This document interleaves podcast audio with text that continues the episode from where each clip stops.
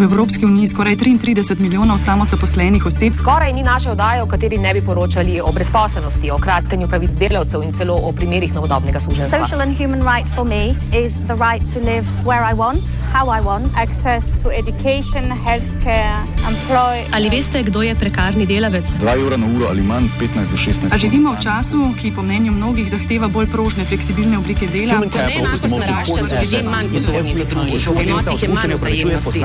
Human capital will be the key asset. Vedno več podrobnosti o kratenju pravic. Ali veste, kdo je prekarni delavec?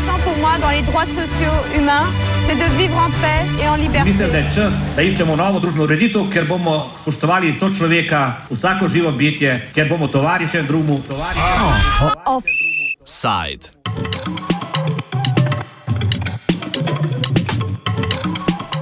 Plačna anomalija pomočnikov in pomočnic vzgojiteljev.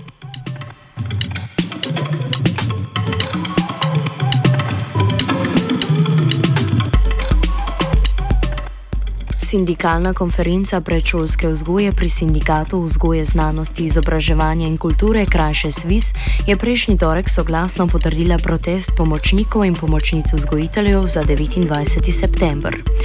Problem preniskih plač pomočnic in pomočnikov vzgojiteljic že od leta 2009 ostaja nerešen.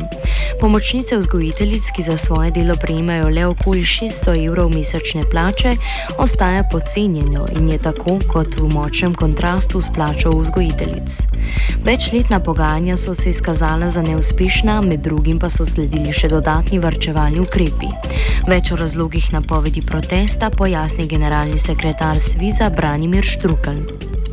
Po teh zadnjih premikih vrednotenja srednje izobrazbe, ki se je zgodil z izboljšanjem plač policistov, upravičenim izboljšanjem plač policistov, vendar z hkratnim spremenjenim relacijam do vseh drugih v javnem sektorju, ki imajo srednjo izobrazbo, se je problem še zaostril. In preprosto uh, je pomočnicam prekipelo, Uh, edina pot, ki smo jo še videli, da uh, sploh pridemo do pozicije, ko bi lahko problem resno uh, začeli reševati, je bil protestni shod pred vlado Republike Slovenije.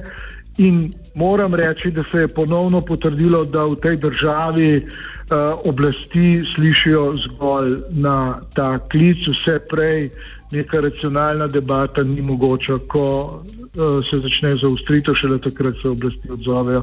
Kar je seveda, uh, bom rekel, zelo tehnično, na koncu vedno dražje za oblast, če pač ravna tako nespametno.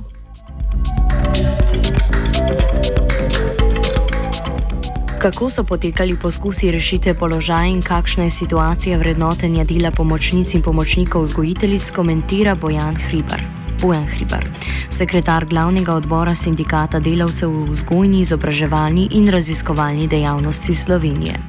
To delovno mesto pomočnice je bilo že leta 2009 s posebnim dogovorom, ki smo ga podpisali sindikati javnega sektorja in vlada, eh, označeno kot delovno mesto, na katerem je bila ugotovljena tako zvana anomalija, skratka, da je to delovno mesto podvrednoteno, to je bilo pripoznano tako strani kolegov drugih sindikatov kot strani vlade.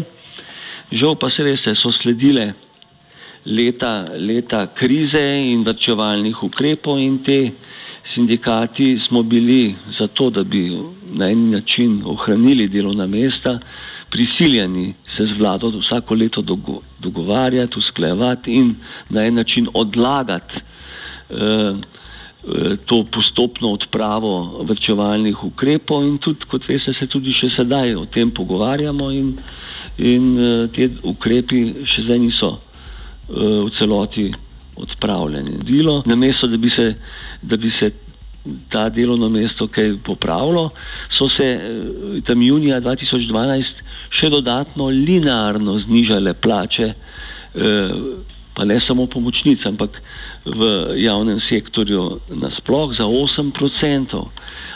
Zdaj, ta, ta, to znižanje je bilo v nekaterih drugih dejavnostih dejansko nižje, ker so se hkrati odpravljala tako imenovana plačna nesorazmerja oziroma tisto, kar je bilo dogovorjeno že s, z nekimi prejšnjimi dogovori in v bistvu nekat, večina teh ostalih eh, dejavnosti ni občutila to znižanje na tak način, v tolikšni meri, kot recimo na področju vzgoje in izobraževanja, kjer, kjer je 86 odstotkov vseh delovnih mest praktično bilo znižanih za 8 odstotkov. Ne, skratka, vključno s temi pomočnicami, ki jim je bilo pa recimo eh, tri leta predtem pa eh, nekje ugotovljeno, da je pa je potrebno njihovo delovno mesto bolje ovrednotiti.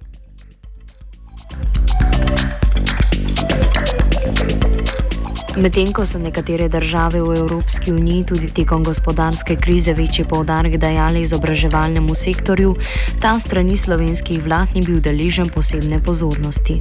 Štrukal.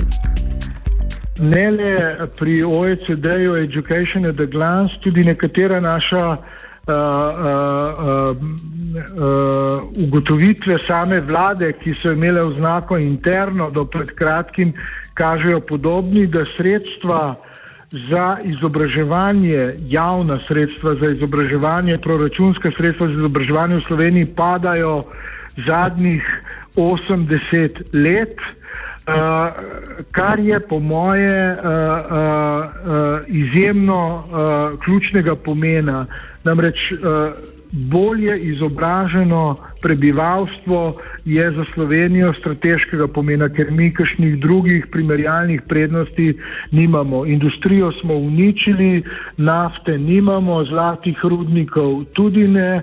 Uh, in uh, kjer bi lahko konkurirali, uh, bi lahko pri znanju, seveda, da bi imeli bolj izobraženo uh, prebivalstvo in to mednarodni podatki na nek način tudi potrjujejo. Za enkrat Slovenija se uvršča v teh eh, mednarodnih raziskavah nad povpreče v Evropski uniji in v državah OECD, pri matematiki in naravoslovnih znanostih še posebej. Uh, ne, in to dejstvo, da politika je poskušala vrčevati najbolj pri izobraževanju, kamor bi morala vlagati in kar so v času krize počele prenekatere države v Evropi ali pa vsaj niso posegale v izobraževanje, torej da so imele neka zamrznjena sredstva, je Slovenija med tistimi res najbolj, uh, uh, bom rekel, padlimi angeli, recimo skupaj z Španijo, kjer se je delež teh javnih sredstev najbolj uh, znižal. Ne. Usporedno s tem se je to pokazalo tudi na plačah. V, od vrca do univerze so plače v Sloveniji povsod pod poprečjem uh, držav OECD-ja. So tudi, ko gledamo, to je pa Buletova analiza Inštituta za makroekonomske analize, je dele, je, so stroški plač v Sloveniji najbolj padli prav v izobraževanju, če jih primerjamo z drugimi deli javnega sektora, recimo zdravstvom in državno upravo, ali pa če jih primerjamo z gospodarstvom ali recimo trgovino. Povsod so kazalniki obrnjeni na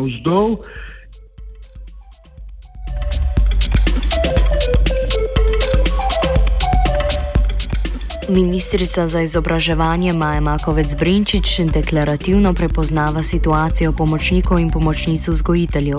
Poglavitni problem pa je. Problem, ki je, ki ga imamo, je, da se zdaj poskuša to pomesti pod preprogo in da ministr za javno upravo pravi, da bomo to reševali skupaj z vsemi stotimi problemi, ki jih ta država ima. Uh, mi nismo več pripravljeni čakati na sveti nikoli in bomo pač ustrajali. Če ta protestni shod ne bo zadostoval, ga bomo ponovili, poiskali poti, da bomo dodatno zaostrili. Uh, uh, uh, konflikt, pri čemer moram posebej izpostaviti, da ne glede na ta protest, bojo interesi otrok v vrtcih v celoti varovani. Vzgojiteljice bojo solidarnostno uh, nadomestile pomočnice, ki bojo šle v Ljubljano na protest, uh, zato da ne bi trpeli otroci, kar seveda pomeni, da ne želimo uh, uh, tega cilja upravičenega, ki ga imamo doseči na hrbtih staršev in pa otrok, kar se mi zdi stališča neke etike osnovno, ključno, ključno zelo bistveno pomembno. O tem, kako potekajo splošna pogajanja med vlado in sindikati, današnji offside zaključi Štrukel.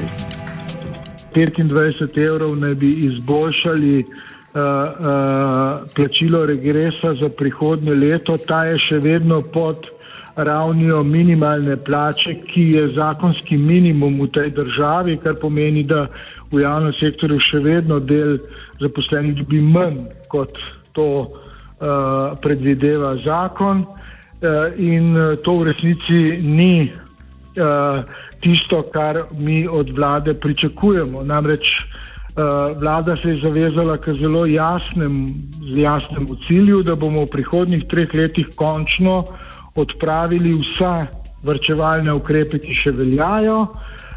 Vlada pa se temu izogiba, po eni strani podaljšuje čas te odprave na leto 2020, po drugi strani pa ponovno upeljuje v pogajanja nekatere ukrepe, ki smo jih z lansko letnim sporazumom odpravili. To uh, je za sindikate nespremljivo, pri čemer še zelo cinično uh, tlači zraven uh, in poskuša argumentirati zadrževanje uh, teh vrčevalnih ukrepov pri plačah v javnem sektorju z argumentom, da se bo z davčno reformo položaj srednjega sloja v Sloveniji izboljšal, ker, bo, ker se bo zmanjšala dohodninska obremenitev teh plač, kar je milo rečeno zavajanje, pošteno povedano pa, pa cinizem prve vrste. Namreč ta mala davčna reforma zmanjšuje davčne obremenitve samo najvišjemu sloju uh, Eh, zaposlenih v javnem sektorju, predvsem pa ministrom, funkcionarjem, poslancem, visokim državnim uradnikom, direktorjem javnih podjetij in tako naprej. Seveda tukaj ne govorim o gospodarstvu, kjer bo največji del razbremenitev. Vendar na nek način, če poenostavim, eh, vlada predlaga nam, Eh, da, eh, da naj se strinjamo z izboljšanjem njihovih plač, ne, ker to so plače tistih, bodo manj dohodninsko obremenjene, davčno obremenjene, ki predlagajo te predloge, ne pa srednjemu sloju oziroma drugače. Če je nek tipičen predstavnik srednjega sloja učitelj, učitelj ne bo zaradi tega čisto nič boljšo plačo, ker se bo ta reforma uh, se izpeljala. Oni so s tem tudi povedali, kdo je srednji sloj v naši državi. Offside sta pripravila vajenec Žiga in Tit.